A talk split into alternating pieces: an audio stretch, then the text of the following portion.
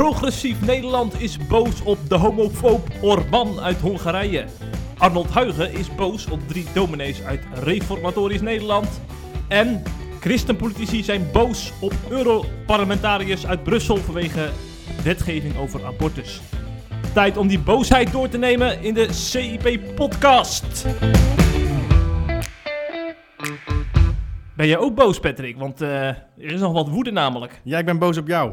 Waarom? Ja, omdat ik nou iets moet gaan doen wat, heel erg, wat ik heel erg vervelend vind. Oh, jij doet natuurlijk op onze afspraak. Ja. want eh, dat is goed om te weten voor de luisteraars. We hebben een record aantal luisteraars gehad bij onze vorige podcast. 4500. En we hadden gezegd, als het boven de 2000 komt, dan ga jij een stukje zingen Ja, in de podcast. Dat is correct. Ja, dus dan ga je bij deze doen. Een heel ik, klein stukje. ik kondig het even aan. Beste mensen, the one and only Patrick Simons.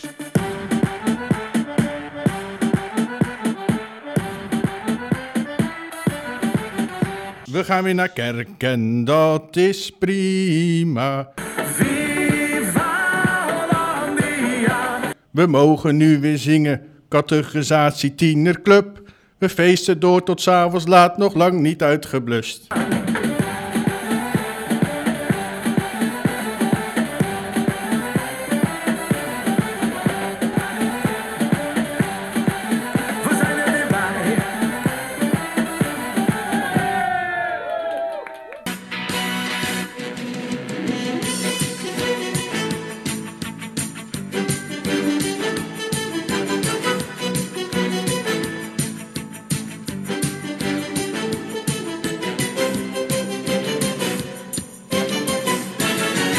Nou, deze tune kan maar één ding betekenen. Het is tijd voor de ergernis van de week. Terug naar mijn eigen rol. Ja, want daar ben je heel goed in, hè? Daar ben ik een Ergeren. stuk beter in dan in vrolijk doen, ja, geforceerd. hey, want ik heb me inderdaad flink zitten ergeren deze week.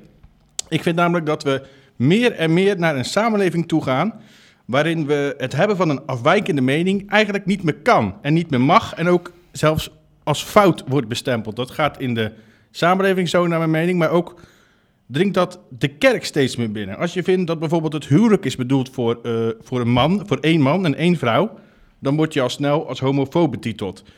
Als je vindt dat je geslacht vaststaat op het moment dat je geboren wordt met een mannelijk of een vrouwelijk lichaam, dan ben je al direct een transfoob. Als je je eigen geschiedenis niet verloochent, ben je al een racist.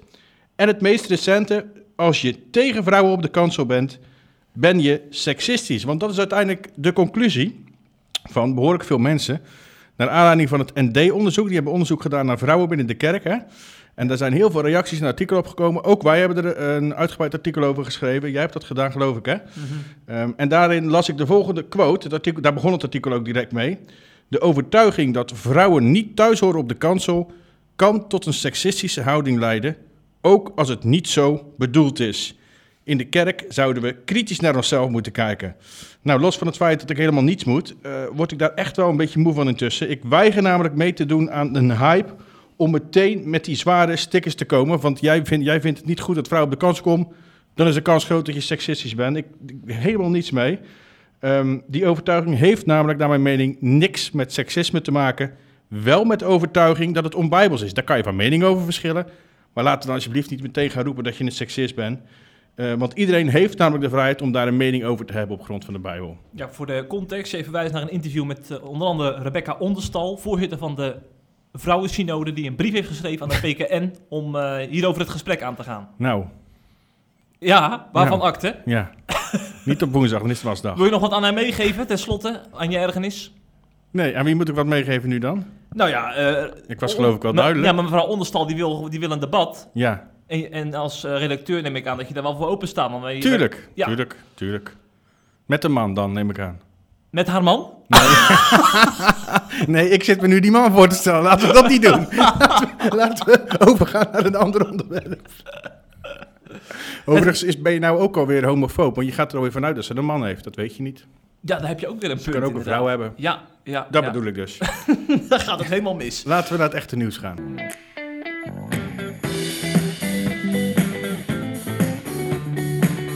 Het laatste nieuws uit christelijk Nederland bespreken we in de CIP-podcast.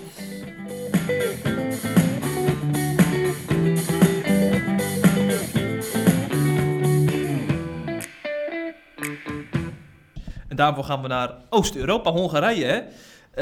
Eh, want eh, ik eh, heb niet alleen heel veel eh, eh, regenboogvlaggen gezien vorige week, maar ook heel veel Hongaarse vlaggen. Het werd een beetje, Ja. een, beetje een, een spelletje. Maar bij wie Ja. hoorde je? Eh, ik hoor bij niemand, dus ik had geen vlag. Eh, ja, ik, ik ben van het radicale midden, dat weet jij Ja, toch? je vraagt aan mij bij wie hoorde je en dan- je zegt bij wie hoorde je en dan geef je zelf antwoord. Nou, bij wie hoor jij dan, Patrick? Eh, Honga- Hongarije of regenboog? ik hoor niet bij Paulus, niet bij Silas. en ik hoor bij Jezus, is dat goed? Ja, prachtig antwoord. Zo hoort het. Ehm, nou is er natuurlijk ophef vanwege die eh, nieuwe wet hè, in Hongarije. Die Ja, eh, ja. de strijd aangaan met de homopromotie. eh Propaganda. homopropaganda. Ehm, in de wet staat dat materiaal dat afwijking van de genderidentiteit, geslachtsveranderingen en homoseksualiteit gepromoot, niet mag worden getoond aan mensen onder de 18 jaar. En nou, heel veel mensen die vatten het natuurlijk op als een homofobe wet. Ehm, extra actueel natuurlijk, omdat er een EK voetbal gaande is en eh, in Boedapest ook werd gevoetbald. Ja, nou ja, gevoetbald. Nederland heeft de poging tot voetballen. Oh, wat slecht. Ja, ja, laten we het daar maar niet over hebben. Nee.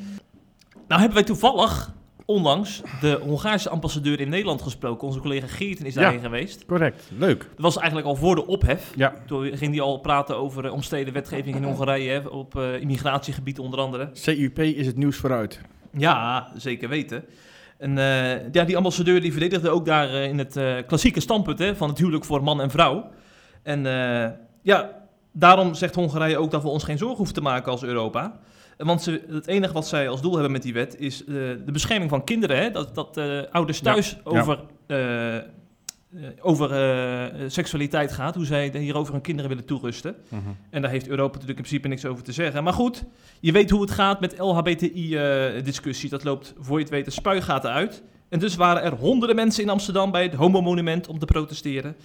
En ook eh, Nederland en 13 andere Europese landen hebben de Europese Commissie gemaakt om in actie te komen. Frans Timmermans heeft ook Hongarije op de vingers getikt inmiddels. Ja, als die op je vingers gaat staan.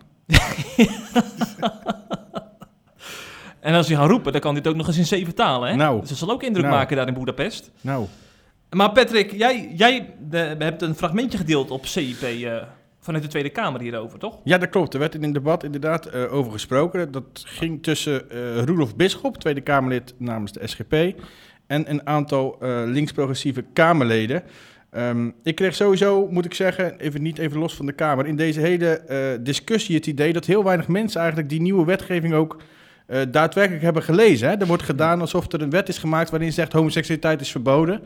Eh, dat is natuurlijk helemaal het geval niet. Hè? Maar goed, dat heb je net uitgelegd. Ehm, dat debat eh, stond ze eigenlijk te dringen bij de microfoon om, om Bisschop de les te lezen. Omdat hij eigenlijk niet, geen afstand wilde nemen en zei... ehm, het is een soevereine staat, Hongarije. Daar, het is helemaal niet aan mij om de inhoud van die wet te beoordelen. Ik zou zeggen, laten we een stukje luisteren. alsof deze wet vooral anti-homo-wet zou zijn. Er worden uitspraken over eh, homoseksualiteit en homofilie gedaan. Dat klopt. Alleen, deze wet biedt veel meer. En dat, dat zou toch op zijn minst tot enige nuance mogen leiden. En het valt mij op dat in de reactie op deze wet de ene fractie over de andere heen tolt en rommel, eh, eh, eh, rollenbolt van nog sterker uitdrukken hoeveel afkeer men van deze wet wel niet heeft. Terwijl, terecht, wordt dat ook opgemerkt door collega Meijer, het gaat over een soevereine staat. En wij hebben het dan over, ja, maar onze Europese waarden. Ja, maar die wet bevindt zich wel binnen de Europese waarden zoals die verdragsrechtelijk zijn vastgelegd. En dat wij er vanuit, nee, dat er vanuit Nederland of vanuit bepaalde invalshoeken andere invulling en verbreding van die waarden is aangebracht, ja, dat zal waar zijn. Maar dat is in Hongarije niet het geval. En die hebben daartoe het volste recht. Dat is mijn verhaal. Dus enige nuance en erkenning van de eigenstandige positie van Hongarije. Alsjeblieft, laten we met respect voor, eh, met elkaar om blijven gaan. Nou, je hoort dus dat hij, wat hij zegt, daar ben ik het trouwens ook helemaal mee eens. De wet van Hongarije, ik heb hem wel gelezen, voor de goede orde, die past gewoon binnen de Europese waarden zoals die verdragsrechtelijk zijn vastgelegd. Alleen wij in Nederland zijn weer zo enorm eh voordeugstrevend, eh, dat wij die waarden zelf verbreed hebben en er allerlei andere waarden aan toegevoegd hebben. Prima. Eh, wij, vinden, wij vinden bijvoorbeeld dat kinderen van jongs af aan LHBTI-propaganda naar binnen moeten krijgen. Ehm, ik zie bijvoorbeeld vorig jaar dat er van die quiz, dat zijn verklede mannen, vrouwen, ik weet het niet eens. Die hoorden bij die groep LHBTI in ieder geval. Die gaan dan voorlezen aan kinderen. Hmm. Nou ja, dan heb ik zelf eerlijk gezegd liever wat er in Hongarije gebeurt. Nou, en daar kiezen ze dus inderdaad een andere route. En dat recht hebben ze. Wat je er ook van vindt. Het is natuurlijk niet zo dat je in Hongarije geen homo mag zijn. Hè? Het is niet zo dat je niet samen kan leven met een man. Of dat, dat, je dan op, dat dat jou op allerlei manieren moeilijk gemaakt wordt. Eh, Of dat je van een gebouw wordt gegooid of de doodstraf krijgt, zoals in heel veel andere landen. Daar hoor ik deze mensen trouwens nooit over, maar dat terzijde. Je hebt daar echt alle vrijheid om homo te zijn. Wat ik, waar ik me dan eigenlijk nog meer aan irriteer, ehm, dat is echt het, het feit dat we heel hypocriet zijn geworden. Eh, een week na deze ophef, of eigenlijk te midden van deze ophef, vond er namelijk in Turkije een, een pride plaats.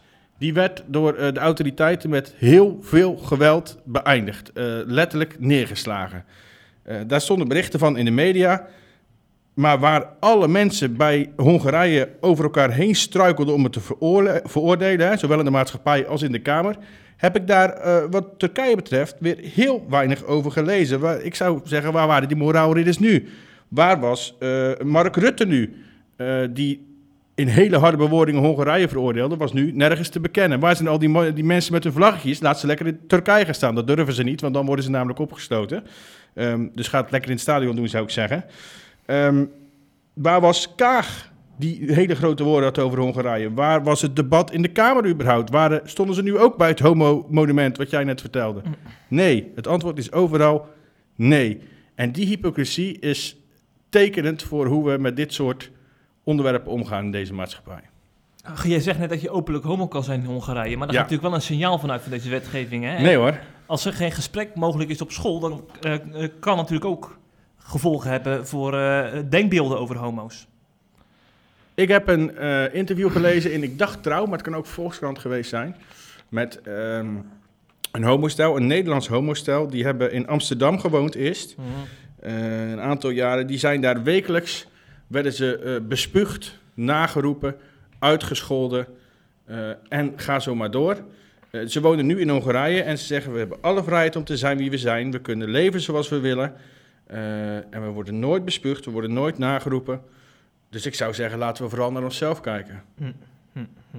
Nou ja, het is veel triest dat je in Amsterdam, als je over straat loopt, hand in Ja, hand, dat je dan eh bespuugd kan worden. Ja. dat komt natuurlijk uit de moslimgemeenschap. Laten we man en paard noemen. Ja, ja, ja, ja. Zeg, jij hebt net eh, de reactie van SGP-Kamerlid Bisschop toegelicht. Ja, dan zijn we natuurlijk ook heel erg benieuwd naar die andere christelijke partijen, de eh, ChristenUnie. ja, die stond er wel wat anders in, hè? Ja, ja, ja, ja. In het Reformatorisch Dagblad, dat is wel mooi, stonden ze onder elkaar, de reacties Ja, van Bisschop ik en Segers. Dus kun je precies het verschil eh, zien.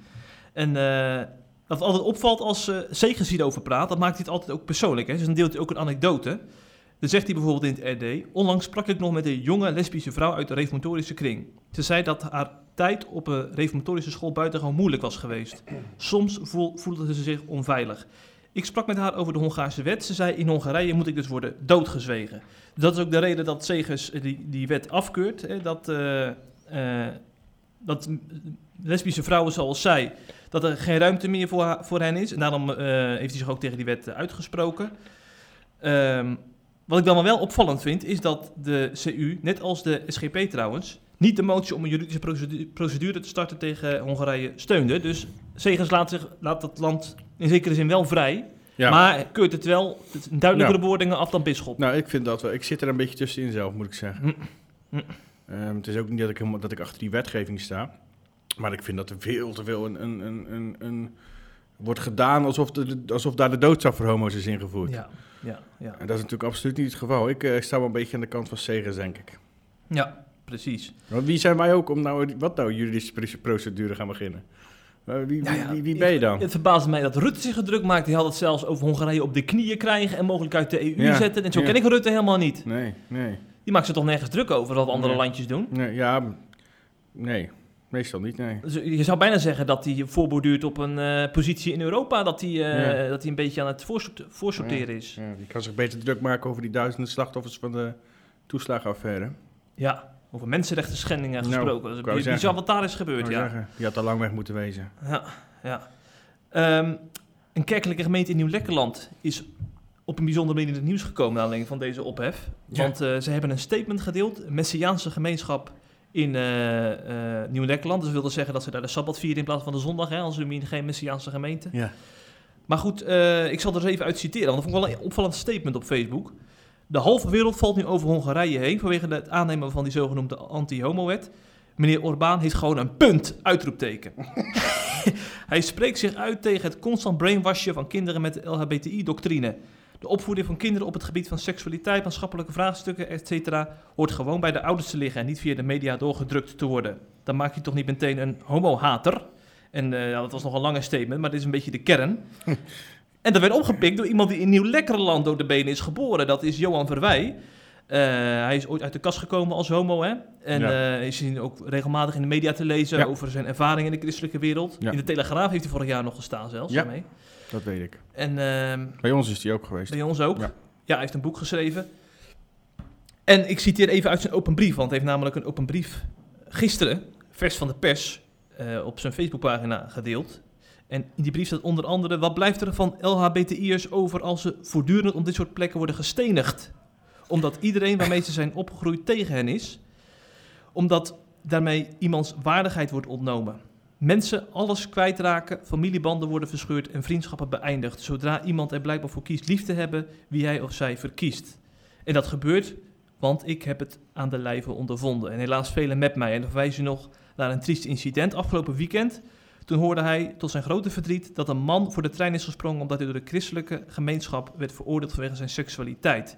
Kortom, een politieke discussie wordt heel persoonlijk gemaakt door eh, Johan Verwa- Ja. Verwij op basis van ervaringen. Ja, dat, dat is logisch, hè. Maar Ja. het probleem wat ik altijd heb met dit soort verhalen... is dat wat hij mee heeft gemaakt... wat echt gebeurt, hè, laten we daar ook duidelijk over Zeker. zijn. Eh, de kerk heeft echt geen vrije rol gespeeld... en heel veel kerken nog steeds niet in, in, deze hele, eh, in dit hele debat... Eh, en over de omgang met eh, homoseksuele leden. Die worden vaak, namelijk wordt het als een dogma behandeld in plaats van als mensen. Ja. Het zijn namelijk mensen, hè, dat vergeten we wel eens. Of we inderdaad. Eh, maar het probleem met dit is dat hij dan een paar persoonlijke ervaringen en verhalen ehm, één op één plakt op zo is de maatschappij of zo is de kerk. En dat is natuurlijk niet hoe het werkt. Nee. Dat, dat, dat is niet representatief voor de hele kerk. Mhm. En voor de hele christelijke gemeenschap en voor heel Hongarije. Ja. Dus dat is een beetje... overigens, dat, dat, dat statement van die... Ik vind het heel bijzonder dat je als kerk überhaupt een statement daarover gaat geven. Ja. Op Facebook. Wat wil je nou bereiken? Nou, ik, ik weet, eh, eh, als, als het zeg maar, op de Facebookpagina van onze kerk zou gebeuren, nou, dan zou die persoon die dat gedaan heeft echt wel eventjes op matje geroepen worden. Want je, bent je bent geen politieke be- beweging of zo, hè? Nee. Ik bedoel, dit is, eh, waarom zou er überhaupt aan wagen? Wat, wat, wat is het doel? Ja, ook dat ja. Ja, is een beetje gezin in gevaarachtig, hè? ja van Hugo Bos, ja. Ja, ja. Ja, ja, heel erg activistisch eh, kwam het ook over op mij. Eh, wat ik trouwens ook opvallend vond aan die open brief van Verwij... is dat er een citaat van Kees Kraaienoord... voorganger van die snel groeiende kerk Mozaïek in Veenendaal werd eh, aangehaald... Ja. uit het AD. Ke- Ka- Kraaienoord heeft ooit gezegd... het beeld is dat de kerk van oudsher een exclusieve club is... waar je de juiste kleding moet dragen... de juiste geloofsovertuiging moet hebben... en de juiste seksualiteit. Wij willen juist geen check bij de voordeur doen. Iedereen is welkom zoals hij eerst dat heeft mensen geraakt. Dat, dat citaat heeft Verwij dus aangehaald van... Hè, zo, zo kan het ook, zeg maar. Ja.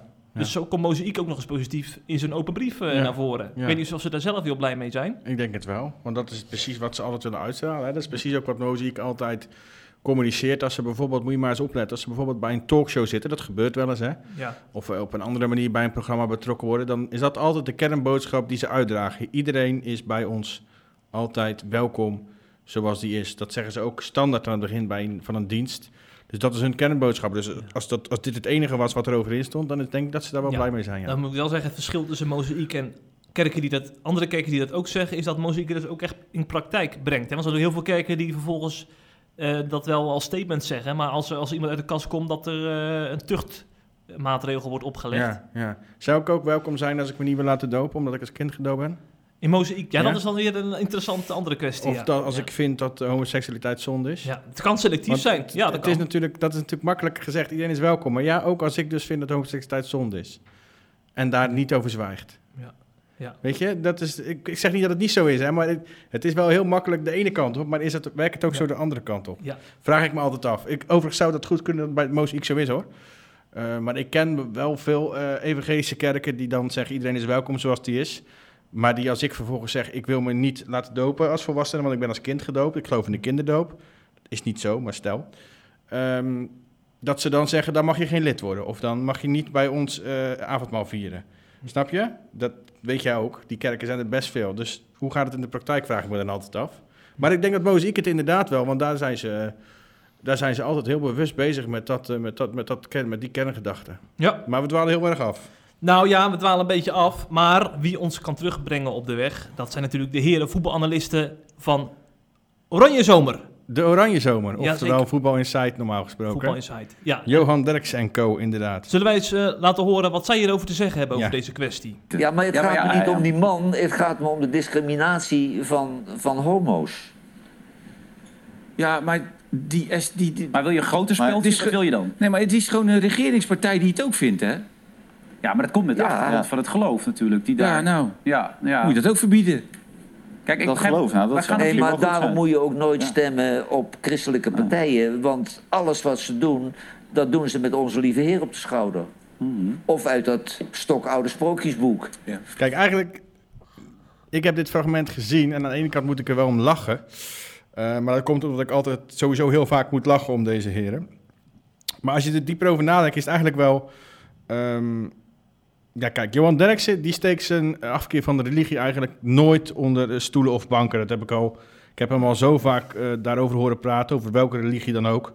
Ehm, dus dat, dat verbaast me niet zo.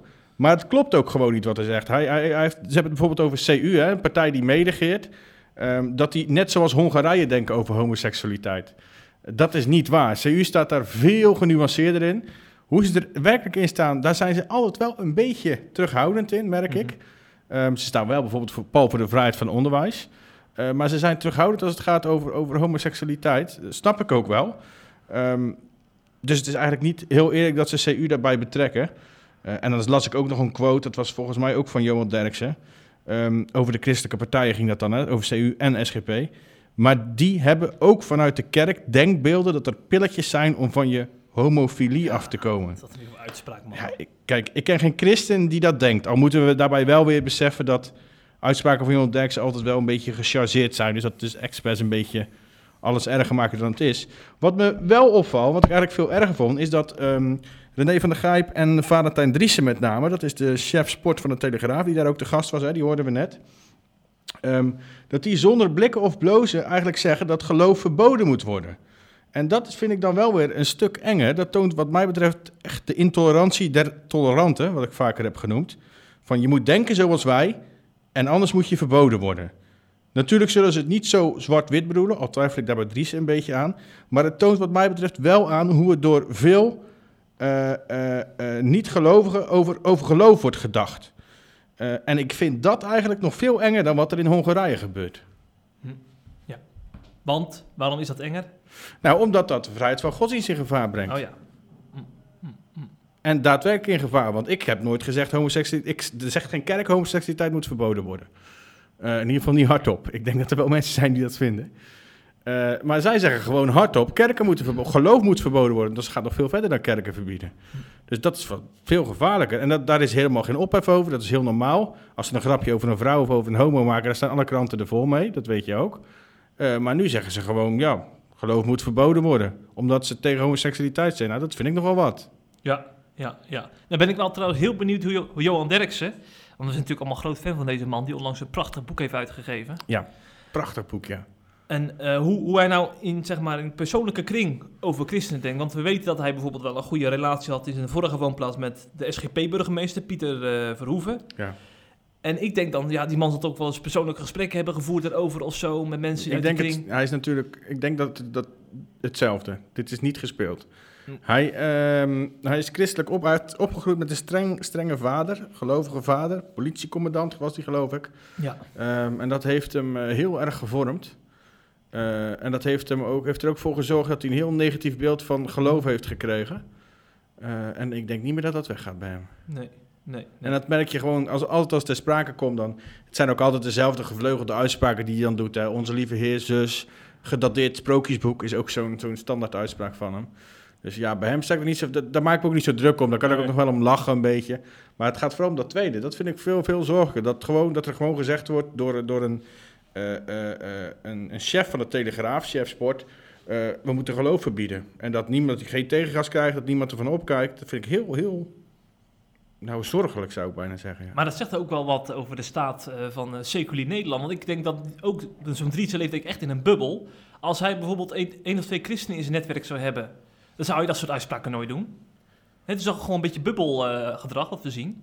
Dat weet ik niet. Daar ken ik hem niet goed genoeg voor. Nee, nee. maar Ik enige ben, bang dat, ik ben ook wel bang dat het echt wel een, een, een, eh, een breed gedragen gedachte is. Ja, Kijk, tuurlijk weet iedereen wel, als je daarop doorgaat, zou hij ook zeggen: nee, ik snap ook wel dat er grondrecht is en dat, dat iedereen mag geloven wat hij wil, wat mij betreft. Maar, komt er dan altijd achteraan, dan moeten ze het niet mij willen opleggen. Dan moeten ze niet homoseksualiteit willen verbieden. Dan moeten ze niet de vrouw onderdrukken. Je weet wat er dan allemaal komt.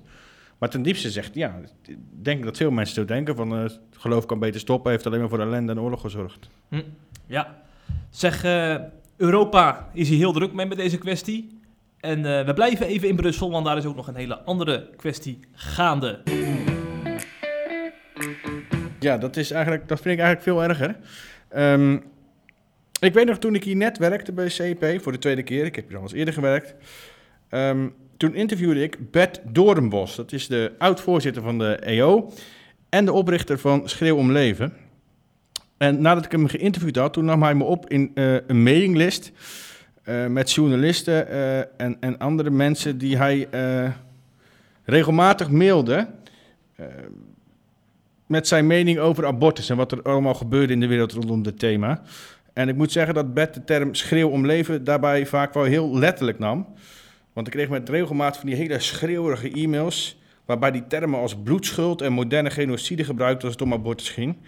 En hoewel ik zelf overtuigend pro-life ben en ook toen al was, vond ik zijn teksten toch wel vaak te ver gaan. Maar ik moet zeggen dat ik het nu steeds meer begin te begrijpen. Dat was een hele lange inleiding.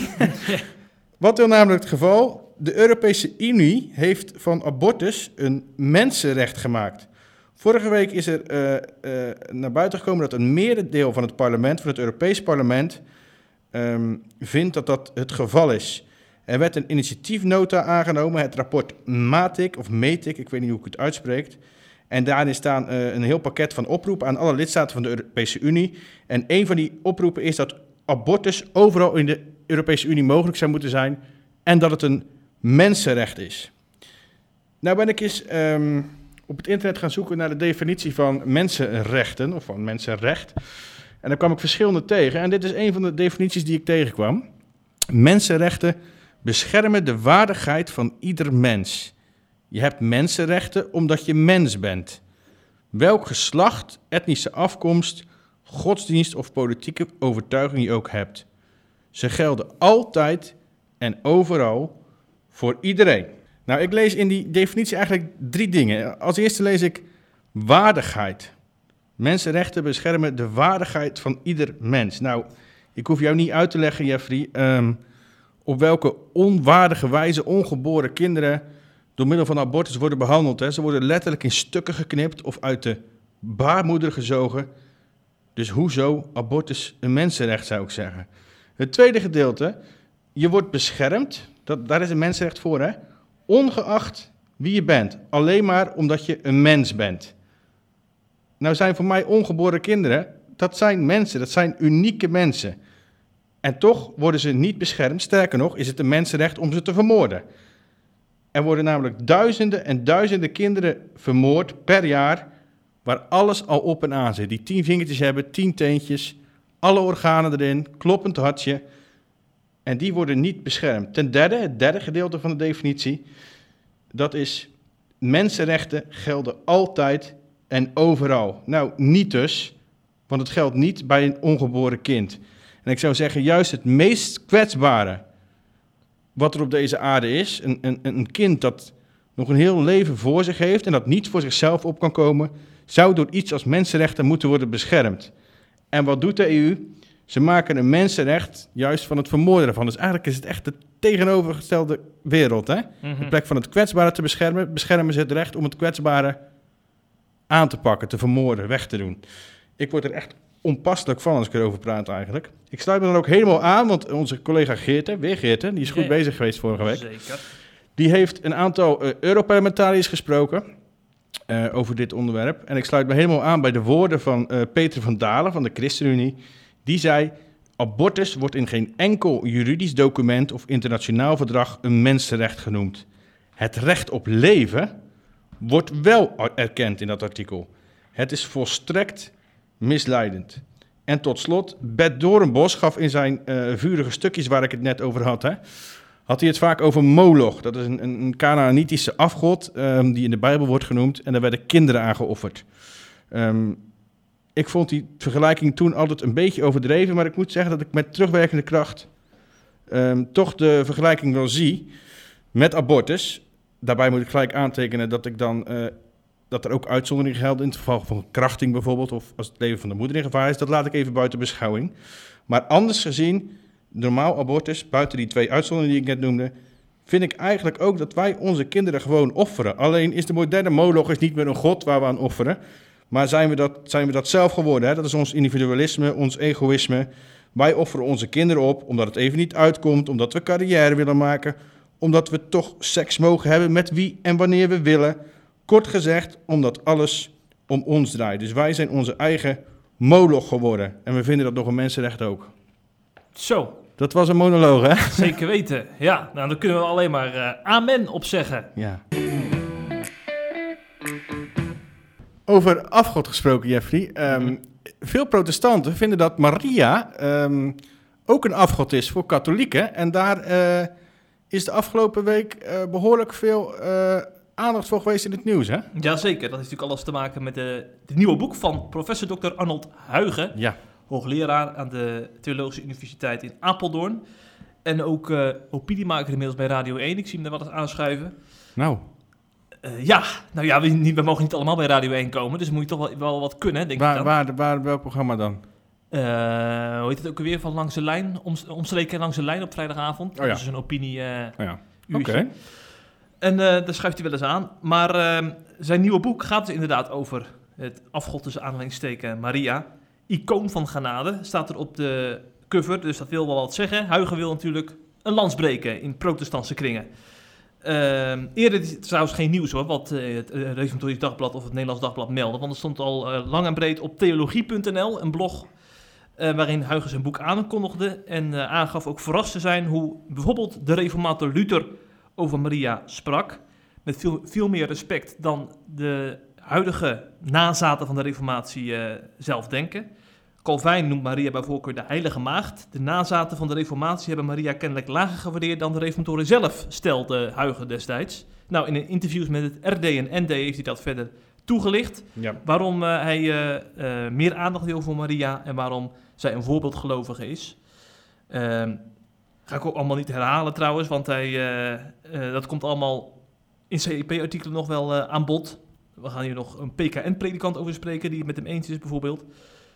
Wat ik ook trouwens opvallend vond, is dat hij kwam met een pleidooi om het feest van de Annunciatie te vieren. Dat is Latijn voor aankondiging.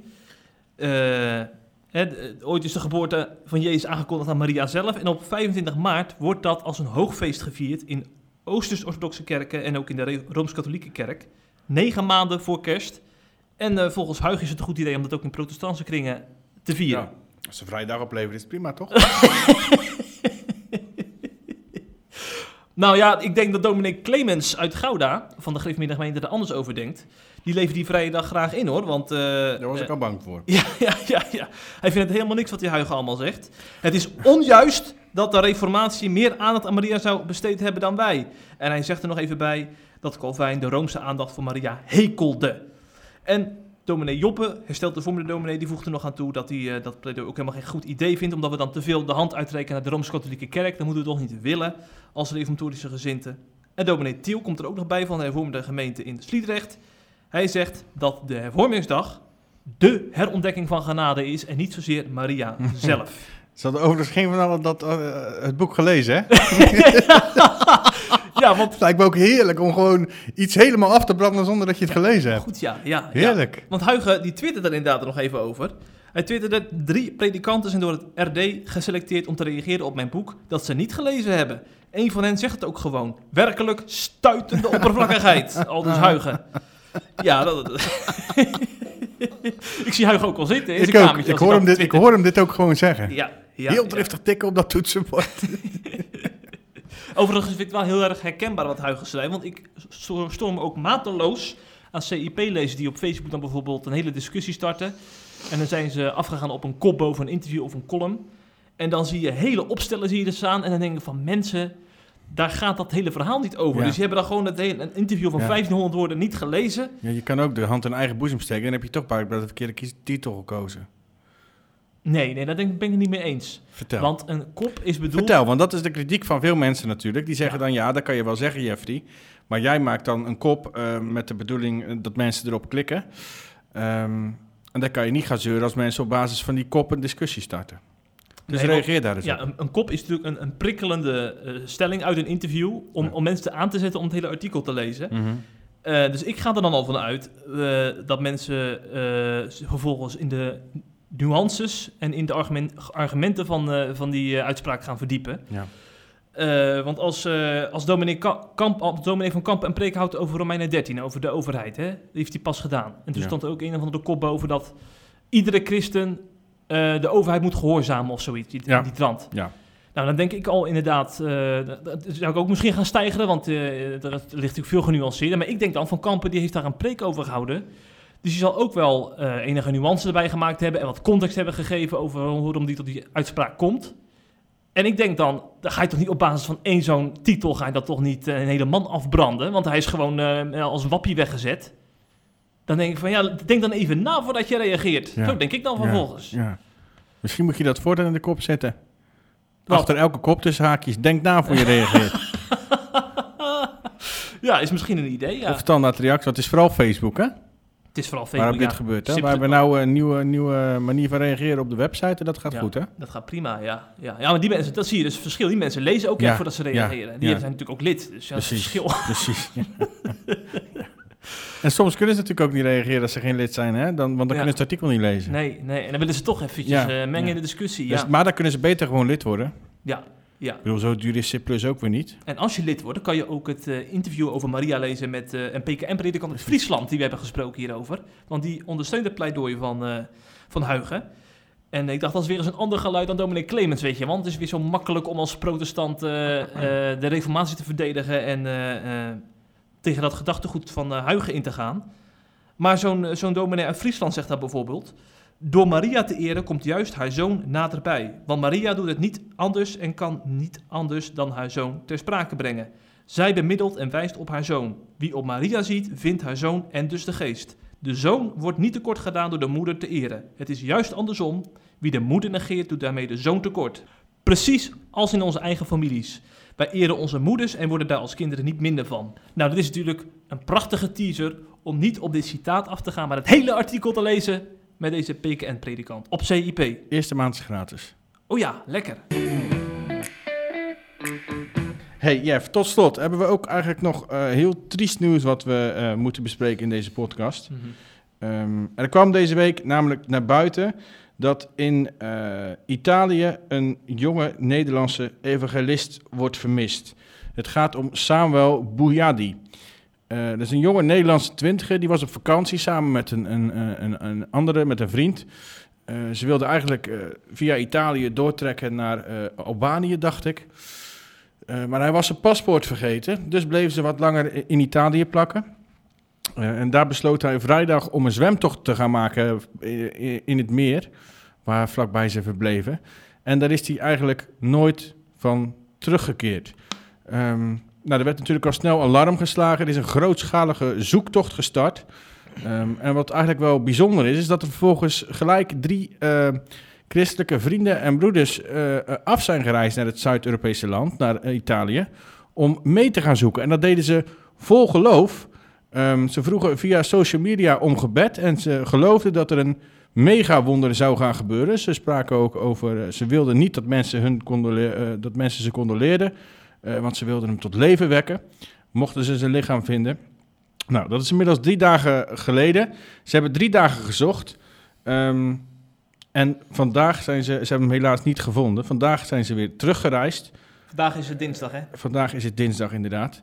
Het is goed dat je het even meldt. Vandaag zijn ze teruggereisd, al komen er ook weer anderen om ze af te lossen om mee te gaan zoeken. En zag ik, er is inmiddels eh, namelijk een speciale Facebookpagina, die heet, heeft de naam Samuel zal leven. Ehm, en daarin werd de oproep gedaan aan nog meer mensen om mee te helpen zoeken. Ehm, het lijkt er echter op eh, alsof de hoop op een wonder een beetje vervlogen wordt. Want, eh, vervlogen is bij die, bij die mensen waar ik net over sprak. Hè. Dat is onder andere Daniel van Deutenkom, evangelist ook. Ehm, Johan Kok, eh, dat is de voorganger van Family Church in Nijkerk. En waar ze in de eerdere films echt nog spraken van, over opwekking en we gaan het lichaam vinden en God gaat een wonder doen. ehm, hadden ze het nu al over het verwerken en heel veel pijn en verdriet. Ehm, ja, en dat is toch wel heel triest nieuws. Zo'n zo'n jonge jongen die helemaal vol was van de Heer Jezus. Er zijn heel veel filmpjes van hem te vinden op internet... waarin hij in Amsterdam de straat op gaat... om te evangeliseren, om te bidden voor mensen. Ehm, en die, ja, die, die verdrinkt dan. In de laatste update eh, vertellen, vertellen die drie mannen eigenlijk ook... eh, wat ik net vertelde, hè, dat ze de zoektocht gestopt zijn... en dat ze teruggaan naar Nederland. Ehm, en dat zorgde voor emotionele momenten... maar ook wel voor een boodschap van hoop van Daniel van Teutenkom. Laten we daar even naar luisteren. Dus ehm, ja, dat is de situatie. Het is natuurlijk eh, erg jammer. We hadden gehoopt eigenlijk op, eh, op een wonder. We hadden gehoopt op eh, succes voor onze vriend. En het eh, raakt ons. Ehm, want we houden van Samuel. We houden allemaal van Samuel. Maar we hebben gezien dat God goed is. Dat hebben we gezien vandaag. We hebben dat gezien de afgelopen jaren. We hebben het gezien in de wonderen die God door ons allemaal heeft gedaan. We hebben genezing gezien. We hebben Samuel, Samuel voor zij die hem kennen. Samuel was een man die genoot van Gods aanwezigheid. Die genoot van de wonderen van God. En weet je, vele jaren geleden, het kort houden, vele jaren geleden was ik heel veel bezig met wonderen. De laatste jaren wat minder. En Samuel die moedigde ons aan. En ook mij moedigt hij aan. Daniel, blijf het verwachten van God. Blijf het verwachten van God. En weet je, laten we dat gewoon meenemen. Ja, daar word je eigenlijk heel, heel stil van. Ehm, nou zijn er, eh, ik vertelde net al dat ze in eerste instantie afreizen naar Italië. ehm, met, met een heel erg uitspraken, we gaan erheen, God gaat wonderen doen. We hebben een Ja. God die, die mensen uit de dood kan opwekken. We vragen of God zijn lichaam uit het water omhoog stuurt en dan gaan we hem opwekken. Ehm, daar werden ehm, ook eh, overal waar ik dat zag, dat stond bij verschillende websites, ook bij ons, hè, werd daar behoorlijk fel en, en afkeurend op gereageerd, ook door christenen. Ehm, die vonden namelijk dat je niet op zo'n manier daarmee om kan gaan. En die vonden het heel raar dat die mensen weigerden te accepteren dat eh die jongen eh, is verdronken en, en overleden. Maar in de laatste update, dat filmpje waar we, net- waar we net ook al een stukje van hoorden, kwam Johan Kok er eigenlijk nog op terug. En hij stelt, eh, moet je luisteren, eh, voor sommige mensen is het heel ingewikkeld. Maar wij hebben eh, gewoon simpelweg de opdracht van Jezus gevolgd. En dat is mensen de handen opleggen en mensen opwekken uit de dood. Dat legt hij hier nog even uit. Eh, voor mensen die dit niet begrijpen, we hebben in geloof gestaan. We hebben in gehoorzaamheid gestaan. Ga erop uit. Leg zieken de handen op. Wek doden op. Mensen vinden dat soms heel ingewikkeld om dat te geloven. Het is simpel gewoon een opdracht van Jezus. Daar zijn 10, we achteraan gegaan. Dat hebben we gedaan. En wij hebben vrede in ons hart. Hoe moeilijk dat misschien voor sommigen die kijken nu eh, lastig is om dat te begrijpen. Mm. Maar we hebben volledig vrede in ons hart. Ja. Ook al hebben we de verdriet en pijn en het gemis. Natuurlijk in onze emotie. Zeker weten. Ja, daar kan je dus van vinden wat je wil, eh, Jeffrey. Maar ja, hij heeft wel gelijk. Dat is de opdracht van Jezus. En eh, je kan ook gewoon heel jaloers zijn dat zij die wel gewoon letterlijk nemen en daarin geloven. Hm, hm. In tegenstelling tot ik. Ik zou dat niet zomaar doen, denk ik. Ja, ik vind ook van die mensen trouwens een beetje ongepast om dan een theologische discussie te gaan beginnen. Denk van, Ja. denk dan eerst even na en eh begin Ja. er over een half jaar Ja. over of zo, als het Ja, te sprake ja, komt. of niet. Ja, precies. Ja. Ja. Ja. Maar goed, heel triest. We hopen, eh, er is inmiddels dus een oproep gedaan of er nog meer mensen daarheen kunnen gaan reizen om eh, de zoektocht voor te zetten. En we hopen dat, eh dat die snel gevonden wordt. Nou, dat dat zeker hopen, ja. Ja. Ja. Ja, dat is een beetje een, een, een, eh, een trieste afsluiting van de podcast. Eh, maar ik vond het toch belangrijk dat, dat, ook, dat ook dit besproken zou worden. Ja. Ehm, ik denk dat we er nu doorheen zijn, hè? Zeker, we hebben alle items kunnen bespreken. En we hebben ook gezegd dat CIP Plus echt de moeite waard is. Hè? Want Ja. dan zie je ook Ja. diepgang, kennis van onze redacteuren. Wordt dan op papier gezet. Inspiratie, ja, zeker weten. informatie En bemoediging. en bemoediging. Ja, En dat iedere dag opnieuw in je mailbox. ja zeker weten. Als ik zelf niet al lid was, zou ik het worden vandaag. En zelfs als je een Ziggo e-mailadres hebt, dan kun je dus weer een nieuwsbrief ontvangen. Hè? Ja, dat ging even niet goed, Dat ging een tijdje even Nee, mis. nee. waren we geblokkeerd door die gasten. Jongen, jongen, ja, Amsterdam, hè? En jij gaat eh, weer eh, richting eh, Zeeland zometeen, Pet. Ja. En Eerst nog even een interview uittikken, mag dat? Ja, dat mag. En eh, wij gaan binnenkort gaan we natuurlijk eh, een zomerstop inlassen bij CIP. Maar je Ja. komt nog een keer terug voor, voor de Jazeker, voor de zomer kom ik nog uitgebreid toasten op de zomer. Ja, precies. Dus wordt vervolgd in de CIP-podcast. Doei!